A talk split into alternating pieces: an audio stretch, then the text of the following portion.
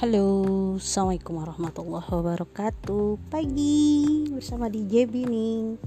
Kali ini konten yang DJ Bining suara adalah terjemahan Quran Surat Al-Maidah ya. Dari ayat Dari ayat 58 sampai dengan ayat 70 ya teman-teman. Selamat menyimak ya. Assalamualaikum warahmatullahi wabarakatuh.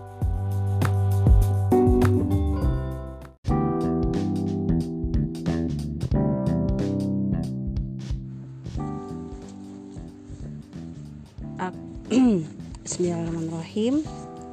Aku berlindung pada Allah dari godaan syaitan yang terkutuk dengan menyebut nama Allah yang maha pengasih lagi. Maha penyayang. Dan apabila kamu menyuruh mereka untuk melaksanakan sholat mereka menjadikannya bahan ejekan dan permainan. Yang demikian itu adalah karena mereka orang-orang yang tidak mengerti. Katakanlah wahai ahli kitab apakah kamu memandang kami salah hanya karena kami beriman kepada Allah, kepada apa yang diturunkan kepada kami, dan kepada apa yang diturunkan sebelumnya. Sungguh, kebanyakan dari kamu adalah orang-orang yang fasik. Katakanlah, Muhammad, apakah akan aku beritakan kepadamu tentang orang yang lebih buruk pembalasannya dari orang fasik di sisi Allah, yaitu orang yang dilaknat dan dimurkai Allah. Di antara mereka ada yang dijadikan kera dan babi, dan orang yang menyembah tauhid. Mereka itu lebih buruk tempatnya dan lebih tersesat dari jalan yang lurus. Dan apabila mereka Yahudi atau munafik datang kepadamu, mereka mengatakan, "Kami telah beriman." Padahal mereka datang kepadamu dengan kekafiran, dan mereka pergi pun demikian. Dan Allah lebih mengetahui apa yang mereka sembunyikan. Dan kamu akan melihat banyak di antara mereka orang Yahudi berlomba dalam berbuat dosa, permusuhan, dan memakan yang haram. Sungguh sangat buruk apa yang mereka perbuat. Mengapa para ulama dan para pendeta mereka tidak melarang mereka mengucapkan perkataan bohong dan memakan yang haram? Sungguh sangat buruk apa yang mereka perbuat. Dan orang-orang Yahudi berkata, tangan Allah terbelenggu. Sebenarnya tangan mereka lah yang dibelenggu dan mereka lah yang dilaknat disebabkan apa yang telah mereka katakan itu. Padahal kedua tangan Allah terbuka. Dia memberi rezeki sebagaimana dia kehendaki. Dan Al-Quran yang diturunkan kepadamu dari Tuhanmu itu pasti akan menambah kedurhakaan dan kekafiran bagi kebanyakan mereka. Dan kami timbulkan permusuhan dan kebencian di antara mereka sampai hari kiamat. Setiap mereka menyalakan api peperangan, Allah memadamkannya. Dan mereka berusaha menimbulkan kerusakan di bumi, dan Allah tidak menyukai orang-orang yang berbuat kerusakan. Dan sekiranya ahli kitab itu beriman dan bertakwa, niscaya kami hapus kesalahan-kesalahan mereka, dan mereka tentu kami masukkan ke dalam surga-surga yang penuh kenikmatan. Dan sekiranya mereka sungguh-sungguh menjalankan hukum Taurat, Injil, dan Al-Quran yang diturunkan kepada mereka dari Tuhannya, niscaya mereka akan mendapat makanan dari atas mereka dan dari bawah kaki mereka. Di antara mereka ada sekelompok yang jujur dan taat, dan banyak di antara mereka sangat buruk apa yang mereka kerjakan. Wahai Rasul, sampaikanlah apa yang diturunkan Tuhanmu kepadamu. Jika tidak engkau lakukan apa yang diperintahkan itu berarti engkau tidak menyampaikan amanahnya. Dan Allah memelihara engkau dari gangguan manusia. Sungguh, Allah tidak memberi petunjuk kepada orang-orang kafir. Katakanlah Muhammad, wahai ahli kitab, kamu tidak dipandang beragama sedikit pun hingga kamu menegakkan ajaran-ajaran Taurat, Injil, dan Al-Quran yang diturunkan Tuhanmu kepadamu. Dan apa yang diturunkan Tuhanmu kepadamu pasti akan membuat banyak di antara mereka lebih durhaka dan lebih ingkar. Maka janganlah engkau berputus asa terhadap orang-orang kafir itu. Sesungguhnya orang-orang yang beriman, orang-orang Yahudi, Sabi'in, dan orang-orang Nasrani barang siapa beriman kepada Allah pada hari kemudian dan berbuat kebajikan maka tidak ada rasa khawatir padanya dan mereka tidak bersedih hati. Sesungguhnya kami telah mengambil perjanjian dari Bani Israel dan telah kami utus kepada mereka rasul-rasul. Tetapi setiap rasul datang kepada mereka dengan membawa apa yang tidak sesuai dengan keinginan mereka, maka sebagian dari rasul itu mereka dustakan dan sebagian yang lain mereka bunuh. Maha benar Allah dengan segala firman-Nya.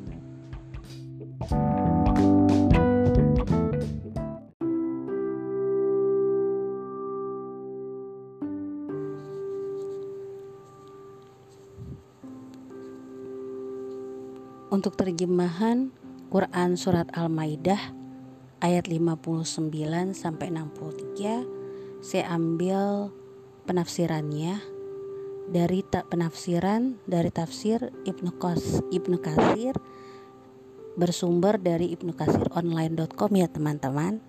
Tolong disimak. Makasih. Allah Subhanahu wa taala berfirman Hai Muhammad, katakanlah kepada mereka yang membuat agamamu sebagai bahan ejekan dan permainan, yaitu dari kalangan orang-orang ahli kitab. Yakni, apakah kalian menilai kami salah atau tercela hanya karena itu? Padahal hal itu bukanlah suatu celah atau kesalahan. Dengan demikian berarti istina dalam Istisna dalam ayat ini bersifat munkoti. Perihalnya sama dengan istisna yang terdapat di dalam firman Allah Quran surat Al-Buruj ayat 8. Terjemahnya saya bacakan. Dan mereka tidak menyiksa orang-orang mukmin itu, melainkan karena orang-orang mukmin itu beriman kepada Allah yang Maha Perkasa, lagi Maha Terpuji. Kemudian dilanjutkan Quran surat At-Taubah ayat 74 terjemahannya. Dan mereka tidak mencela Allah dan Rasulnya kecuali karena Allah dan Rasulnya telah melimpahkan karunia-Nya kepada mereka. Di dalam sebuah hadis yang kesohihannya disepakati oleh Imam Bukhari dan Imam Muslim disebutkan yang artinya adalah tidak sekali-kali Ibnu Jamil dicela hanyalah karena dahulunya dia miskin lalu Allah memberinya kecukupan.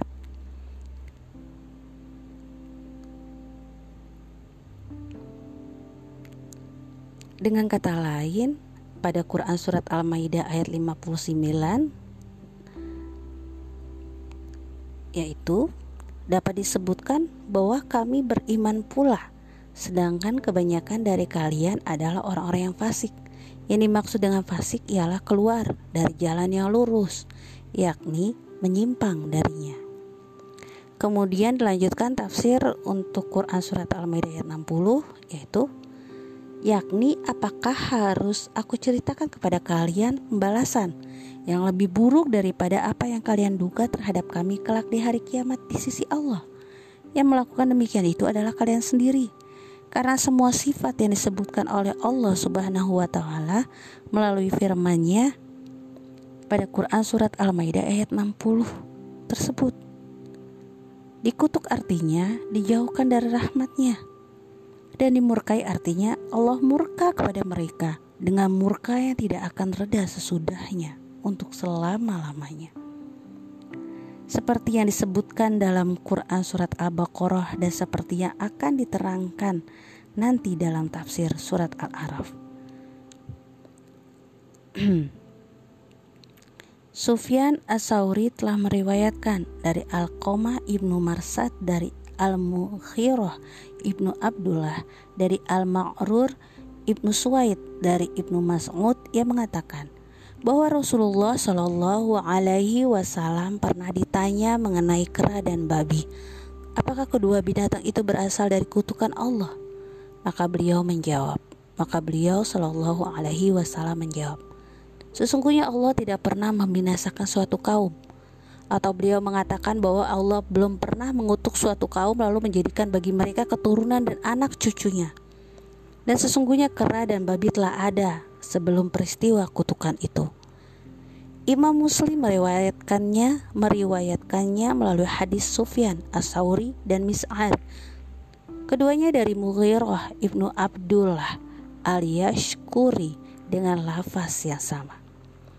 Abu Daud At-Tayalisi mengatakan telah menceritakan kepada kami Daud Ibnu Abdul Furat dari Muhammad Ibnu Zaid dari Abul A'yan Al-Ma'badi dari Abu dari Abul Ahwas dari Ibnu Mas'ud yang menceritakan bahwa kami pernah bertanya kepada Rasulullah Shallallahu Alaihi Wasallam tentang kera dan babi Apakah kera dan babi yang ada sekarang merupakan keturunan dari orang-orang Yahudi yang dikutuk Allah Subhanahu wa taala?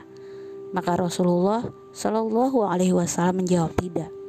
Sesungguhnya Allah sama sekali belum pernah mengutuk suatu kaum lalu membiarkan mereka berketurunan, tetapi kera dan babi yang ada merupakan makhluk yang telah ada sebelumnya. Dan ketika Allah murka terhadap orang-orang Yahudi, maka dia mengutuk mereka dan menjadikan mereka seperti kera dan babi.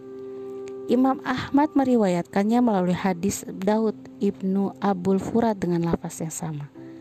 Ibnu Murdawaih mengatakan telah menceritakan kepada kami Abdul Baqi telah menceritakan kepada kami Ahmad ibnu Ishaq ibnu Soleh telah menceritakan kepada kami Al Hasan ibnu Mahbub telah menceritakan kepada kami Abdul Aziz ibnu Ibnul Mukhtar dari dari Daud ibnu Ab, Abu Hindun dari Ikrimah dari Ibnu Abbas yang menceritakan bahwa Rasulullah Shallallahu Alaihi Wasallam telah bersabda, ular adalah jin yang telah dikutuk, sebagaimana kera dan babi adalah hewan kutukan. Hadis ini gorib sekali. Pada terjemahan Al-Maidah ayat 60 penafsirannya pada Ibnu Qasir melanjutkan bahwa dibaca abada tauhid karena berupa fi'il madi sedangkan lafaz tauhid dinasabkan olehnya yakni dan Allah menjadikan di antara mereka orang yang menyembah tauhid. Dibaca abda tauhid dengan dimudahkan artinya adalah dan Allah menjadikan di antara mereka orang-orang yang mengabdi kepada tauhid yakni pengabdi dan budak tagut ada pula yang membacanya ubadat ubadat tagut dalam bentuk jama'ul jami' bentuk tunggalnya adalah abdun. Bentuk jamaknya adalah abidun. Sedangkan bentuk jama'ul jami'nya adalah ubudan. Perihalnya sama dengan lafaz simarun. Yang bentuk jama'ul jami'nya adalah sumurun. Demikianlah menurut riwayat Ibnu Jarir dan Al-Ams dan Al-Amas Ibnu Jarir telah menja telah meriwayatkan dari Al-Amas diriwayatkan dari Buraida al-Aslami bahwa ia membacanya wa abidatagut sedangkan menurut Qiraah dari Ubay dan Ibnu Mas'ud disebut, disebutkan wa abadu Ibnu Jarir telah meriwayatkan dari Abu Ja'far Al-Qari' bahwa dia membacanya wa ubidat tagut dengan tanggapan sebagai maf'ul dari fi'il yang tidak disebutkan fa'ilnya. Tetapi bacaan ini dinilai oleh Ibnu Jarir jauh dari makna. Padahal menurut makna lahiriahnya hal ini tidak jauh dari makna yang dimaksud. Mengingat ungkapan ini termasuk ke dalam bab ta'rid, sindiran terhadap mereka. Dengan kata lain telah disembah tagut di kalangan kalian dan kalianlah orang-orang yang melakukannya. Semua kiroah yang telah disebutkan di atas mempunyai kesimpulan makna yang menyatakan bahwa sesungguhnya kalian hai ahli kitab yang mencela agama kami, yaitu agama yang menauhidkan dan mengesahkan Allah dalam menyembahnya tanpa ada sisa, tanpa ada selainnya. Maka mengapa timbul dari kalian sikap seperti itu? Padahal semua yang telah disebutkan ada pada dari pada diri kalian. Karena itulah disebutkan oleh firman Allah pada Quran Surat Al-Maidah ayat 60 tersebut. Lanjut tafsir yaitu yakni lebih buruk daripada apa yang kalian duga dan kalian tuduhkan terhadap kami. Ungkapan ini termasuk ke dalam bab pemakaian afal tafdil tanpa menyebutkan pembanding pada sisi yang lainnya. Perihalnya sama dengan makna yang terdapat di dalam firman lainnya, yaitu pada Quran surat Al-Furqan ayat 24 dengan terjemahannya saya bacakan. Penghuni-penghuni surga pada hari itu paling baik tempat tinggalnya dan paling indah tempat istirahatnya. Pada terjemahan Quran Surat Al-Maidah ayat 61 terdapat tafsir dari Ibnu Kasir yaitu demikianlah sifat-sifat orang munafik dari kalangan mereka yaitu bahwa mereka berdiplomasi dengan kaum mukmin pada lahirianya sedangkan dalam batin mereka memendam kekafiran karena itulah disebutkan pada firman Allah Quran, Quran surat Al-Maidah ayat 61. Kemudian dilanjutkan pada tafsir Ibnu Kasir yaitu seraya memendam kekafirannya di dalam hati mereka. Kemudian mereka pergi darimu dengan membawa kekafirannya pula. Pengetahuan yang telah ada yang telah mereka dengar darimu sama sekali tidak ada pengaruhnya bagi mereka dan tiada bermanfaat bagi mereka semua nasihat dan peringatan. Karena itulah Allah Subhanahu wa taala berfirman pada Quran surat Al-Maidah ayat 61 tersebut. Dilanjutkan tafsir Ibnu Katsir online yaitu Allah Subhanahu wa taala mengkhususkan sebutan ini hanya bagi mereka, bukan selain mereka. Dilanjutkan pada terjemahan Quran surat Al-Maidah ayat 61 dengan penafsiran dari Ibnu Katsir yaitu yakni Allah mengetahui semua rahasia mereka dan apa yang tersimpan di dalam dada mereka. Sekalipun mereka menampakkan di mata makhluk hal yang berbeda dengan batin mereka dan memulas diri dengan hal-hal yang bertentangan dengan hati mereka. Karena sesungguhnya Allah Maha mengetahui semua yang goib dan yang nyata. Allah lebih mengetahui dari diri mereka sendiri.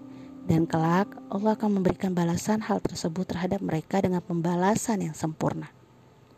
Dilanjutkan pada penerjemahan Quran Surat Al-Maidah ayat 62, penafsiran dari Ibnu Katsir yaitu mereka bersegera melakukan tindakan tersebut, yakni mengerjakan semua hal yang berdosa dan hal-hal yang diharamkan serta menganiaya orang lain dan memakan harta orang lain dengan cara yang batil. Yaitu alangkah buruknya perbuatan mereka yang mereka kerjakan dan alangkah jahatnya perbuatan aniaya yang mereka lancarkan itu. Kemudian pada penerjemahan Quran Surat Al-Ma'idah 63 penafsiran dari Ibnu Katsir yaitu yakni mengapa para penguasa dan pendeta-pendeta mereka tidak mau melarang mereka melakukan hal tersebut. Yang dimaksud dengan Rabbaniyun ialah para penguasa yang juga orang alim mereka, sedangkan yang dimaksud dengan pendeta adalah para ulama saja. Yaitu karena para penguasa dan para pendeta itu tidak mau melarang para pengikut mereka dari hal tersebut. Demikianlah menurut penafsiran Ali ibnu Abu Tolhah dari ibnu Abbas, Abdurrahman ibnu Zaid ibnu Asla mengatakan bahwa dikatakan demikian kepada mereka di saat mereka tidak melakukan nahi mungkar dan di saat mereka mengerjakan hal-hal yang diharamkan. Abdurrahman ibnu Zaid melanjutkan perkataannya bahwa memang kenyataannya demikian. Mereka mengerjakan hal-hal yang diharamkan padahal mereka mengetahui bahwa itu diharamkan. Demikianlah menurut riwayat Ibnu Abu Hatim. Ibnu Jarir mengatakan telah menceritakan kepada kami Abu Quraib, telah menceritakan kepada kami Ibnu Atiyah, telah menceritakan kepada kami Qais dari Al-A'la Ibnu Musayyab, dari Khalid Ibnu Dinar, dari Ibnu Abbas yang mengatakan bahwa di dalam Al-Quran tidak sesuatu ayat pun yang sangat keras celaannya selain dari ayat ini, yaitu firman Allah pada Quran surat 63 tersebut. Kemudian lanjut dari tafsir Ibnu Kasir yaitu demikianlah menurut kiroah yang diutarakan oleh Ibnu Abbas kata Ibnu Jarir. Hal yang sama telah dikatakan oleh Ad-Dahak. Tiada suatu ayat pun dalam Al-Quran yang lebih aku takuti daripada ayat ini yaitu bila kami tidak melakukan nahi mungkar. Demikianlah menurut Ibnu Jarir. Ibnu Abu Hatim mengatakan demikian pula Yunus Ibnu Habib. bahwa telah menceritakan kepada kami Abu Daud, telah menceritakan kepada kami Muhammad ibnu Muslim, ibnu Abdul ibnu Abdul Wadah, telah menceritakan kepada kami Sabit ibnu Sa'id Al-Hamdani bahwa ia pernah menjumpainya di Arroy di Arroy Lalu ia menceritakan sebuah asar dari Yahya ibnu Ya'mur yang menceritakan bahwa Ali ibnu Abu Talib berkhutbah. Untuk itu ia memulainya dengan mengucapkan puja dan puji kepada Allah Subhanahu wa taala. Kemudian berkata, Hai manusia, sesungguhnya telah binasa umat sebelum kalian hanyalah karena mereka mengerjakan perbuatan-perbuatan maksiat dan para pendeta serta para penguasa mereka tidak melarangnya. Setelah mereka berkepanjangan dalam perbuatan-perbuatan maksiat, maka siksaan datang menimpa mereka. Karena itu beramar ma'ruflah kalian dan bernahi munkarlah kalian sebelum azab yang pernah menimpa mereka menimpa kalian. Dan perlu kalian ketahui bahwa melakukan amar ma'ruf dan nahi mungkar itu tidak akan memutuskan rezeki dan tidak akan menyegerakan ajal. Imam Ahmad mengatakan bahwa Imam Ahmad mengatakan telah menciptakan kepada kami Yazid ibnu Harun telah menciptakan kepada kami Syarik dari Abu Ishaq dari Al Munzir ibnu Jari dari ayahnya yang menciptakan bahwa Rasulullah Shallallahu Alaihi Wasallam pernah bersabda tidak sekali-kali Suatu kaum yang di hadapan mereka terdapat orang yang mengerjakan perbuatan-perbuatan durhaka padahal mereka lebih kuat dan lebih perkasa daripada dia. Lalu mereka tidak mencegahnya, kecuali Allah menimpakan azab kepada mereka karena ulah orang itu. Hadis tersebut bila ditinjau dari segi ini hanya diriwayatkan oleh Imam Ahmad sendiri. Abu Daud meriwayatkannya dari Musadat, dari Abu Ahwas, dari Abu Ishaq, dari Al-Munsir Ibnu Jarir dari Jarir yang mengatakan bahwa ia pernah mendengar Rasulullah Shallallahu Alaihi Wasallam bersabda, tiada seorang pun dalam suatu kaum mengerjakan perbuatan-perbuatan maksiat, sedangkan mereka berkemampuan untuk mencegahnya, lalu mereka tidak mencegahnya, melainkan Allah akan menimpakan kepada mereka suatu siksaan sebelum mereka mati. Ibnu Majah meriwayatkannya dari Ali ibnu Muhammad, dari Waki, dari Israel, dari Abu Ishaq, dari Ubay, dari ibnu Jarir, dari ayahnya dengan lafaz yang sama. Al Hafiz Al Mazi mengatakan bahwa hal yang bahwa hal yang sama telah diriwayatkan oleh Syukbah dari Abu Ishaq dengan lafaz yang sama.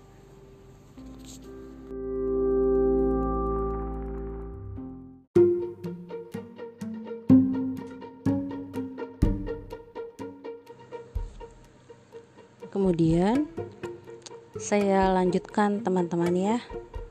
Di JB akan melanjutkan untuk uh, tafsir Ibnu Kasir untuk Quran Surat Al-Maidah ayat 67 diambil dari situs Ibnu Kasir online.com ya teman-teman.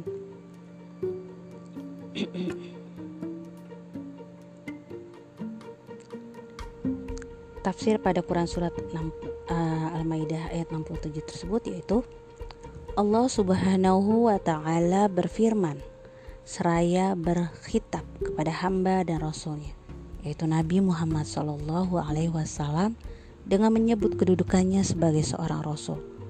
Allah memerintahkan kepadanya untuk menyampaikan semua yang diutuskan oleh Allah melaluinya. Dan Rasulullah Shallallahu Alaihi Wasallam telah menjalankan perintah tersebut serta menunaikannya dengan sempurna.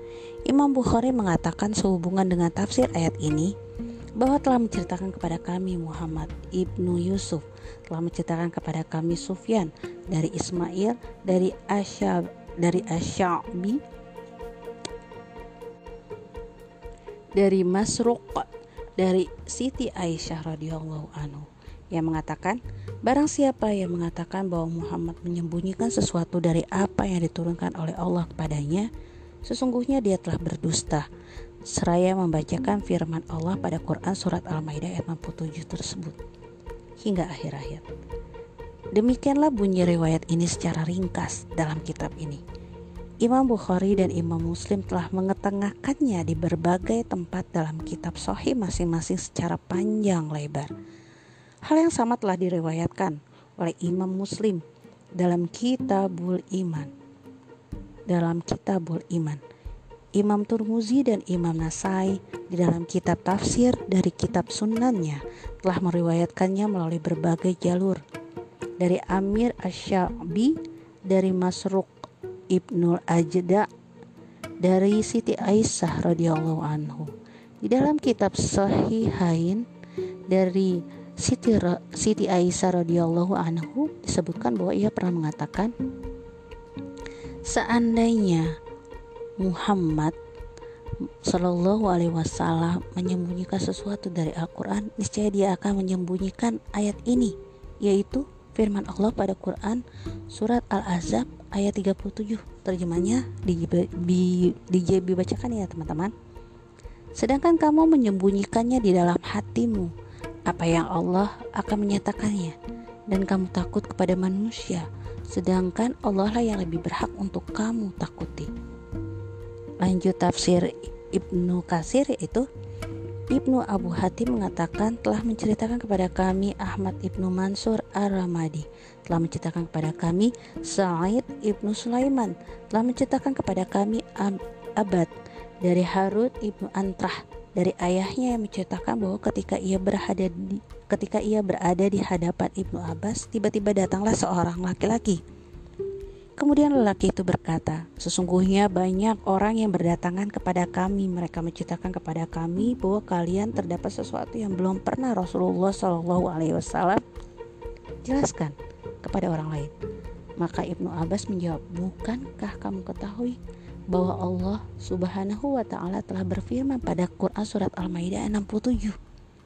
Demi Allah, Rasulullah Shallallahu Alaihi Wasallam tidak mewariskan kepada kami ahlul bait sesuatu hal yang disembunyikan. Sanat asar ini berpredikat jahit. Hal yang sama disebutkan di dalam kitab Sahih Bukhari melalui, melalui riwayat Abu Yuhaifah yaitu Wab Ibnu Abdullah As-Sawai yang menceritakan bahwa ia pernah bertanya kepada Khalifah Ali Ibnu Abu Talib radhiyallahu anhu Apakah di kalangan kalian ahlu bait terdapat sesuatu dari wahyu yang tidak terdapat di dalam Al-Quran? Maka Khalifah Ali radhiyallahu anhu menjawab tidak. Demi Tuhan yang menumbuhkan biji-bijian dan yang menciptakan manusia, kecuali hanya pemahaman yang diberikan oleh Allah kepada seseorang mengenai Al-Quran. Dan apa yang terdapat di dalam lembaran ini? Aku bertanya, apakah yang terdapat di dalam lembaran ini?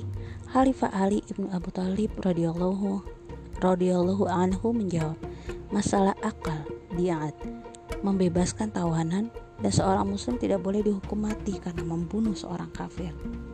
Imam Bukhari mengatakan bahwa Az-Zuhri pernah berkata, risalah adalah dari Allah dan Rasul berkewajiban menyampaikannya, sedangkan kita diwajibkan menerimanya.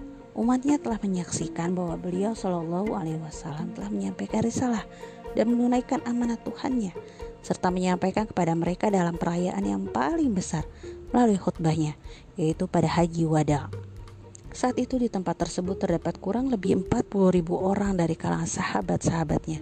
Di dalam kitab Sahih Muslim disebutkan dari Jabir ibnu Abdullah bahwa Rasulullah Shallallahu Alaihi Wasallam bersabda dalam khutbah haji wadanya, Hai manusia, sesungguhnya kalian akan ditanyai mengenai diriku maka apakah yang akan kalian katakan? Mereka menjawab, kami bersaksi bahwa engkau telah menunaikan risalah dan menyampaikan amanah serta menasihati umat. Maka Rasulullah Shallallahu Alaihi Wasallam mengangkat jari telunjuknya ke langit, lalu menunjukkannya kepada mereka seraya bersabda, Ya Allah, apakah aku telah menyampaikan? Imam Ahmad mengatakan, telah menceritakan kepada kami Ibnu Namir telah menceritakan kepada kami Fudayl yakni Ibnu Gaswan dari Ikrimah dari Ibnu Abbas yang telah menceritakan bahwa Rasulullah Shallallahu Alaihi Wasallam bersabda dalam Haji Wada, Hai manusia, hari apakah sekarang? Mereka menjawab hari yang suci. Rasulullah Shallallahu Alaihi Wasallam bersabda, negeri apakah ini? Mereka menjawab, negeri kota yang suci. Rasulullah Shallallahu Alaihi Wasallam bertanya, bulan apakah sekarang? Mereka menjawab bulan suci.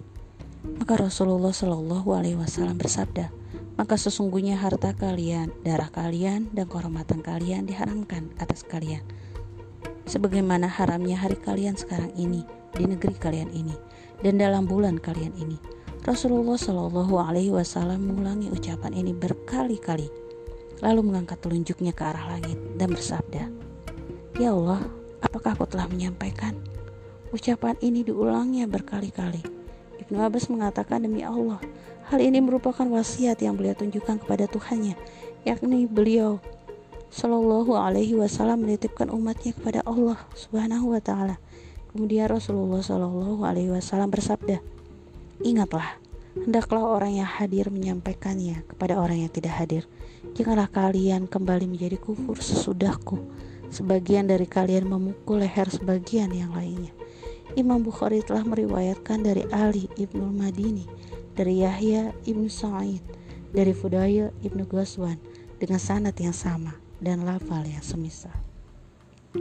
Pada terjemahan Quran surat ayat Al-Maidah ayat 67 yang telah disebutkan kemudian ditafsirkan oleh Ibnu Kasir yaitu yakni jika engkau tidak menyampaikannya kepada manusia apa yang telah aku perintahkan untuk menyampaikannya berarti engkau tidak menyampaikan risalah yang dipercayakan Allah kepadamu dengan kata lain dapat disebutkan bahwa telah diketahui konsekuensi hal tersebut seandainya terjadi Ali ibnu Abu Talha meriwayatkan dari ibnu Abbas sehubungan dengan makna firmannya tidak kamu kerjakan apa yang diperintahkan itu berarti kamu tidak menyampaikan amanahnya.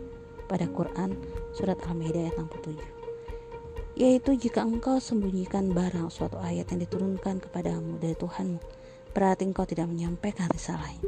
Ibnu Abu Hatim mengatakan telah menciptakan kepada kami ayahku, telah menciptakan kepada kami Kobaihah, Ibnu Uqbah telah menciptakan kepada kami Sufyan dari seorang laki-laki dari Mujahid yang mengatakan bahwa ketika diturunkan firman Allah pada Quran surat Al-Maidah ayat 67, Nabi Muhammad berkata, "Ya Tuhanku, apakah yang harus aku perbuat?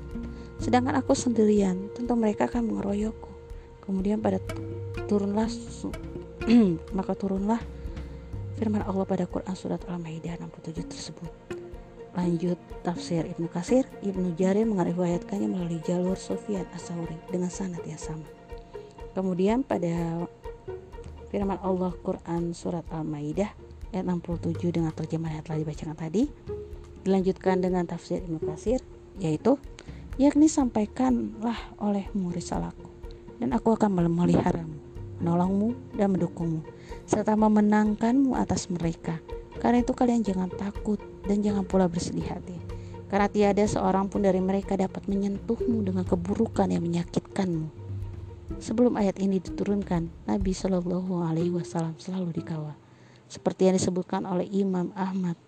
Telah menceritakan kepada kami Yazid, telah menceritakan kepada kami Yahya, yang mengatakan bahwa ia pernah mendengar Abdullah ibnu Amir ibnu Rabi'ah menceritakan, Siti Aisyah pernah bercerita bahwa di suatu malam Rasulullah Wasallam begadang, sedangkan Siti Aisyah Rasulullah berada di sisinya. Siti Aisyah bertanya, apakah gerangan yang membuatmu gelisah wahai Rasulullah Wasallam? Maka Rasulullah bersabda, mudah-mudahan ada seorang laki-laki soleh dan sahabatku yang mau menjagaku malam ini. Siti Aisyah melanjutkan kisahnya. Ketika kami berdua dalam keadaan demikian, tiba-tiba aku Siti Aisyah mendengar suara senjata. Maka Rasulullah Shallallahu Alaihi Wasallam bertanya, siapakah orang ini? Seseorang menjawab saya, sangat ibnu Malik. Rasulullah Shallallahu Alaihi Wasallam bertanya, apa yang sedang kamu lakukan? Apa yang sedang kamu lakukan? Saat menjawab, aku datang untuk menjagamu, wahai Rasulullah. Siti Aisyah melanjutkan kisahnya. Tidak lama kemudian aku mendengar suara tidur Rasulullah Shallallahu Alaihi Wasallam. Imam Bukhari dan Imam Muslim mengetengahkannya melalui jalur Yahya ibn Sa'id al Ansori dengan yang sama. Menurut suatu lafaz Rasulullah Shallallahu Alaihi Wasallam begadang suatu malam yaitu setibanya di Madinah sesudah hijrahnya dan sesudah mencampuri Siti Aisyah radhiyallahu. Hal ini terjadi pada tahun 2 Hijriah. Pada tahun 2 Hijrah. Pada tahun 2 Hijriah. Ibnu Abu Hatim mengatakan telah menciptakan kepada kami Ibrahim Ibnu Marzuk Al-Basri yang tinggal di Mesir. Telah menciptakan kepada kami Muslim Ibnu Ibrahim. Telah menciptakan kepada kami Al-Haris Ibnu Ubaid yakni Abu Kudamah dari Al-Jariri dari Abdullah Ibnu Syakik dari Siti Aisyah yang menceritakan bahwa Nabi Shallallahu Alaihi Wasallam selalu dikawal dan dijaga sebelum ayat ini diturunkan yaitu firman Allah pada Quran surat Al-Maidah ayat 67 Siti Aisyah melanjutkan kisahnya. Setelah itu Rasulullah Shallallahu Alaihi Wasallam mengeluarkan kepala dari kemahnya dan bersabda, Hai manusia, bubarlah kalian. Sesungguhnya Allah Shallallahu Alaihi Wasallam Hai manusia, bubarlah kalian. Sesungguhnya Allah Subhanahu wa taala telah menjaga diri kami. Hal yang sama telah diriwayatkan oleh Imam Turmuzi melalui Abdu ibnu Humaid dan Nasar ibnu Ali dan Nasar ibnu Ali al-Jahdami. Keduanya dari Muslim ibnu Ibrahim dengan sanad yang sama. Kemudian Imam Turmuzi mengatakan bahwa hadis ini gorib. Juga telah diriwayatkan oleh Ibnu Hujarir dan Imam Hakim di dalam kitab Mustadraknya melalui jalur Muslim Ibnu Ibrahim dengan sanad yang sama. Kemudian Imam Hakim mengatakan bahwa sanad hadis ini sohe, tetapi keduanya Bukhari dan Muslim tidak mengatakan tidak mengetengahkannya. Telah diriwayatkan pula oleh Sa'id ibnu Mansur dari Al Haris ibnu Ubaid Abu Qudamah Al-Ayadi dari Al-Jariri dari Abdullah ibnu Syakik dari Siti Aisyah dengan lafaz yang sama.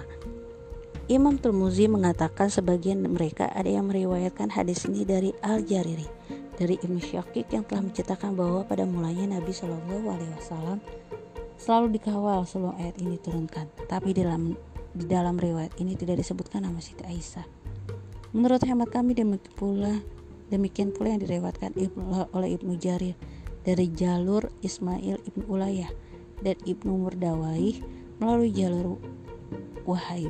Keduanya dari Al-Jariri dari Abdullah Ibnu Syakik secara mursal. Hadis ini telah direwayatkan secara mursal melalui Said Ibnu Jubair dan Muhammad Ibnu Kab Al-Qurazi. Keduanya direwayatkan oleh Ibnu Jarir, Arabi Arabi Ibnu Anas dan Ibnu Murdawai. Ibnu Murdawai mengatakan telah menciptakan kepada kami Sulaiman Ibnu Ahmad, telah menciptakan kepada kami Ahmad Ibnu Rashidin Al-Masri, telah menciptakan kepada kami Khalid Ibnu Abdus Salam As-Sadfi, telah menciptakan kepada kami Al-Fadl Ibnu Mukhtai dari Abdullah Ibnu Mauhib dari Ismah Ibnu Malik Al-Katmi yang menceritakan bahwa kami selalu mengawal Rasulullah Shallallahu Alaihi Wasallam di malam hari hingga turunnya firman Allah pada Quran surat Al-Maidah ayat 67. Setelah ayat ini diturunkan pengawalan pun dibubarkan. Telah menceritakan kepada kami Sulaiman ibnu Ahmad, telah menceritakan kepada kami Ahmad ibnu Muhammad ibnu Ahmad Abu Nasar Al-Khatib Al-Baghdadi, telah menceritakan kepada kami Kardus ibnu Muhammad Al-Wasiti, telah menceritakan kepada kami Ya'la Ibnu Abdurrahman dari Fudail Ibnu Marzuq dari Atiyah dari Abu Sa'id Al-Qudri yang menceritakan bahwa Al-Abbas paman Rasulullah Shallallahu Alaihi Wasallam termasuk salah seorang yang ikut mengawal Nabi. Setelah ayat ini diturunkan, yaitu pada firman Allah Quran surat Al-Maidah ayat 67, maka Rasulullah Shallallahu Alaihi Wasallam meninggalkan penjagaan, yakni tidak mau dikawal lagi telah menceritakan kepada kami Ali ibnu Abu Hamid al-Madini. Telah menceritakan kepada kami Ahmad ibnu Muhammad ibnu Sa'id. Telah menceritakan kepada kami Muhammad ibnu Mufadal ibnu Ibrahim al-Ashri.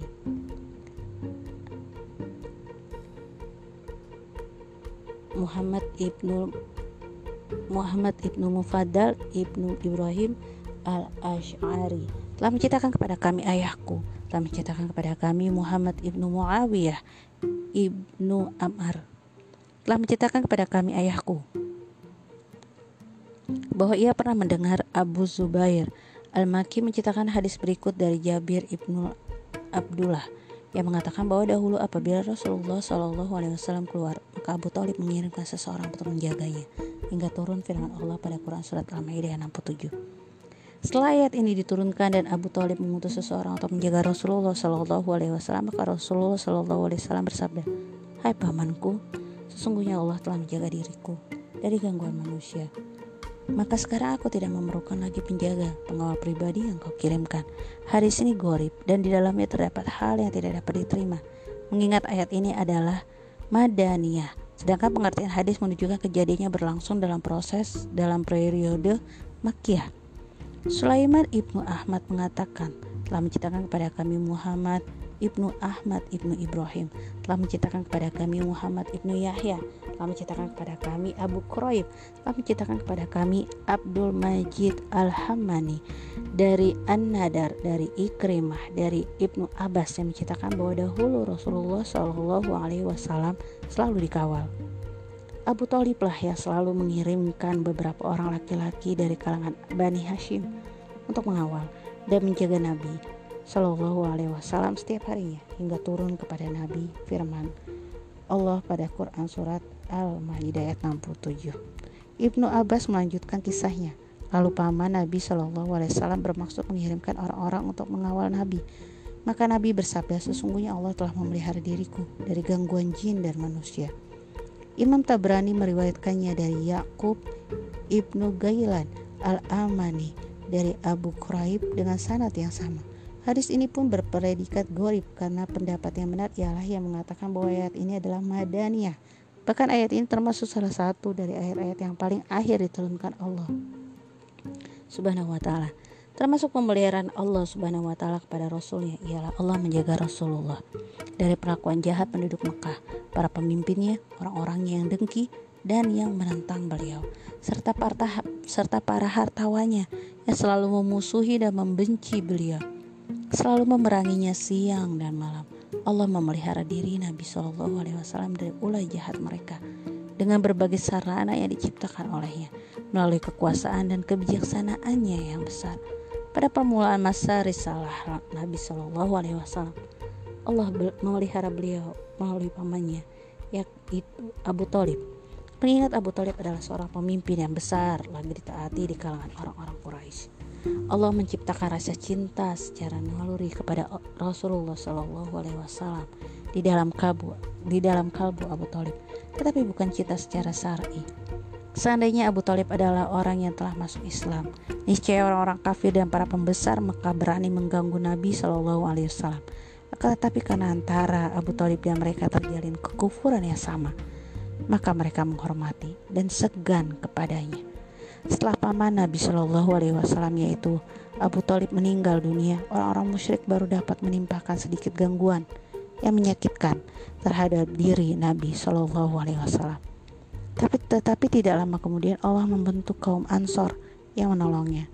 Mereka berbaiat kepadanya untuk Islam serta meminta kepada beliau agar pindah ke negara ke negeri mereka yaitu Madinah. Setelah Nabi Shallallahu Alaihi Wasallam tiba di Madinah, maka orang-orang Ansar membela Nabi Shallallahu Alaihi Wasallam dari gangguan dan serangan segala bangsa. Setiap kali seseorang dari kaum musyrik dan kaum ahli kitab melancarkan tipu muslihat jahat terhadap diri beliau, maka Allah menangkal tipu daya mereka dan mengembalikan tipu muslihat itu kepada perencananya sendiri. Orang Yahudi pernah melancarkan tipu muslihat terhadap diri Nabi melalui sihirnya, tetapi Allah memelihara diri Nabi dari kejahatan sihir mereka dan diturunkannya kepada Nabi dua surat Al-Mu'awizah sebagai obat untuk menangkal penyakit itu. Dan ketika seorang Yahudi meracuni masakan kaki kikil kambing yang mereka kirimkan kepadanya di Khaybar, Allah memberitahukan hal itu kepada Nabi dan memelihara Nabi dari racun tersebut. Hal-hal seperti itu banyak sekali terjadi. Kisahnya panjang bila dituturkan. Antara lain ialah apa yang disebutkan oleh ulama tafsir dalam pembahasan ayat ini. Abu Ja'far Ibnu Jarir mengatakan, telah menciptakan kepada kami Al Haris, telah menciptakan kepada kami Abdul Aziz, telah menciptakan kepada kami Abu Ma'sh, Abu Ma'syar dari Muhammad Ibnu Ka'ab Al-Qurazi dan lain-lainnya yang menceritakan bahwa Rasulullah Shallallahu Alaihi Wasallam apabila, apabila turun di suatu tempat maka para sahabatnya memilihkan buatnya sebuah bat, sebuah pohon yang rindang. Lalu beliau Shallallahu Alaihi Wasallam merebahkan diri beristirahat di bawahnya. Dan ketika beliau Shallallahu Alaihi Wasallam dan keadaan demikian datanglah seorang laki lelaki Arab Badui lalu mencoba, mencabut pedangnya. Kemudian berkata siapakah yang melindungi dirimu? Nabi Shallallahu Alaihi Wasallam menjawab Allah Subhanahu Wa Taala maka tangan orang Badui itu gemetar hingga pedang terjatuh dari tangannya. Lalu kepala orang Badui itu dipukulkan ke pohon hingga pecah dan otaknya berhamburan. Kemudian Allah Subhanahu Wa Taala menurunkan firman. Quran Surat Al-Ma'idah ayat 67 Ibnu Abu Hatim mengatakan, telah menciptakan pada kami Abu Sa'id Ahmad Ibnu Muhammad Ibnu Yahya Ibnu Sa'id Al-Qatan. Telah menciptakan kepada kami Zaid ibnu Hubab telah menciptakan kepada kami Musa ibnu Ubaidah. Telah menciptakan kepadaku Zaid ibnu Aslam. Dari Jabir ibnu Abdullah al Ansor yang menceritakan bahwa ketika Rasulullah Shallallahu Alaihi Wasallam berperang melawan Bani Anmar, beliau turun istirahat di Zaturiqo, yaitu di daerah Nakhl yang tinggi. Ketika beliau sedang duduk di pinggir sebuah sumur, seraya menjulurkan kedua kakinya ke dalam sumur itu, berkatalah Al Haris dari kalangan Bani Najjar, Aku benar-benar akan membunuh Muhammad. Maka teman-temannya berkata kepadanya, Bagaimanakah cara kamu membunuh dia? Al Haris berkata, aku akan, aku akan katakan kepadanya, berikanlah pedangmu kepadaku. Apabila dia telah memberikan pedangnya kepadaku, maka aku akan membunuhnya dengan pedang itu. Al Haris datang kepada Nabi dan berkata, Hai Muhammad, berikanlah pedangmu kepadaku. Aku akan melihat-lihatnya dengan menghunusnya. Maka Nabi memberikan pedangnya kepada Al Haris. Tetapi setelah Al Haris menerimanya dan menghunusnya, tiba-tiba tangan Al Haris gemetar hingga pedang itu terjatuh dari tangannya. Maka Rasulullah Shallallahu Alaihi Wasallam bersabda, Allah menghalang-halangi antara kamu dan apa yang kamu inginkan. Lalu Allah Subhanahu wa taala menurunkan firman-Nya pada Quran surat Al-Maidah ayat 67. Bila ditinjau dari segi konteksnya hadis ini berpredikat gorib. Kisah Gauras ibnu Haris ini terkenal di dalam kitab Sahih.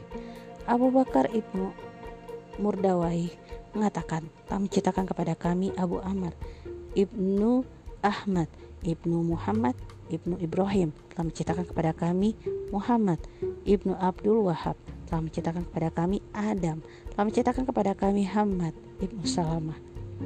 Dari Muhammad Ibnu Amr dari Abu Salamah dari Abu Hurairah dari Abu Hurairah yang menciptakan bila kami menemani Rasulullah Shallallahu Alaihi Wasallam dalam suatu perjalanan kami mencarikan sebuah pohon yang paling besar dan paling rindang untuknya lalu beliau turun istirahat di bawahnya.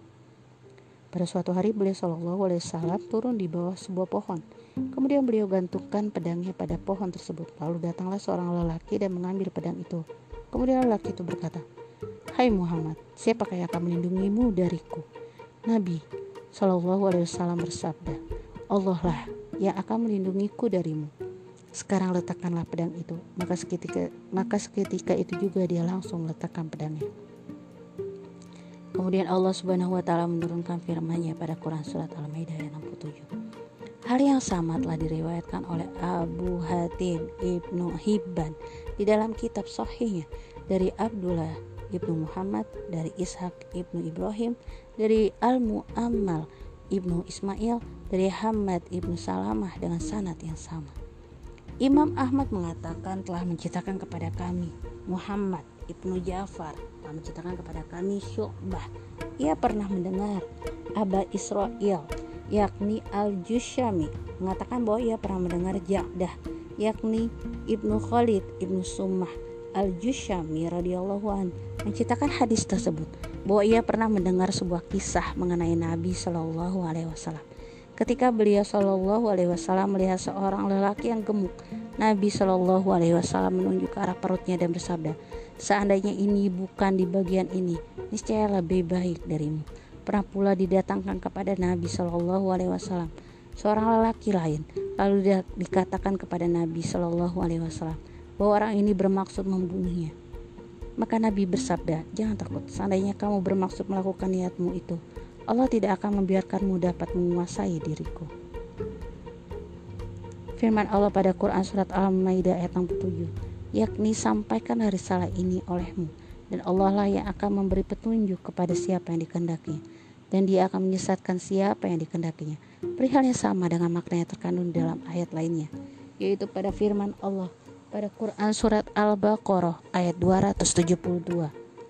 Dibacakan ya terjemahannya Bukanlah kewajibanmu menjadikan mereka mendapat petunjuk, akan tetapi Allah lah yang memberi petunjuk, memberi taufik siapa yang dikehendakinya. Kemudian dilanjutkan pada Quran surat Ar-Ra ayat 40 dengan terjemahannya yaitu karena sesungguhnya tugasmu hanyalah menyampaikan saja sedangkan kamilah yang menghisap amalan mereka. Maha benar Allah dengan segala firman-Nya.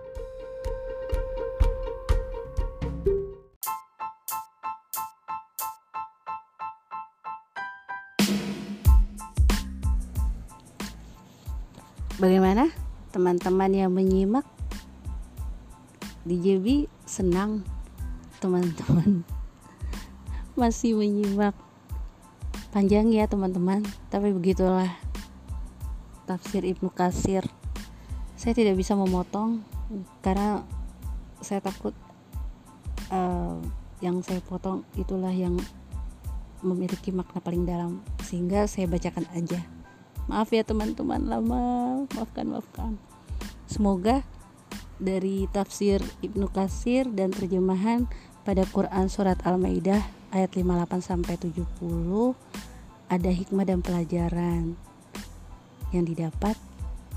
Terima kasih banyak sudah mendengarkan. Jumpa di jumpa lagi ya nanti di konten berikutnya. Makasih ya teman-teman semuanya. Di JB undur diri. Assalamualaikum warahmatullahi wabarakatuh.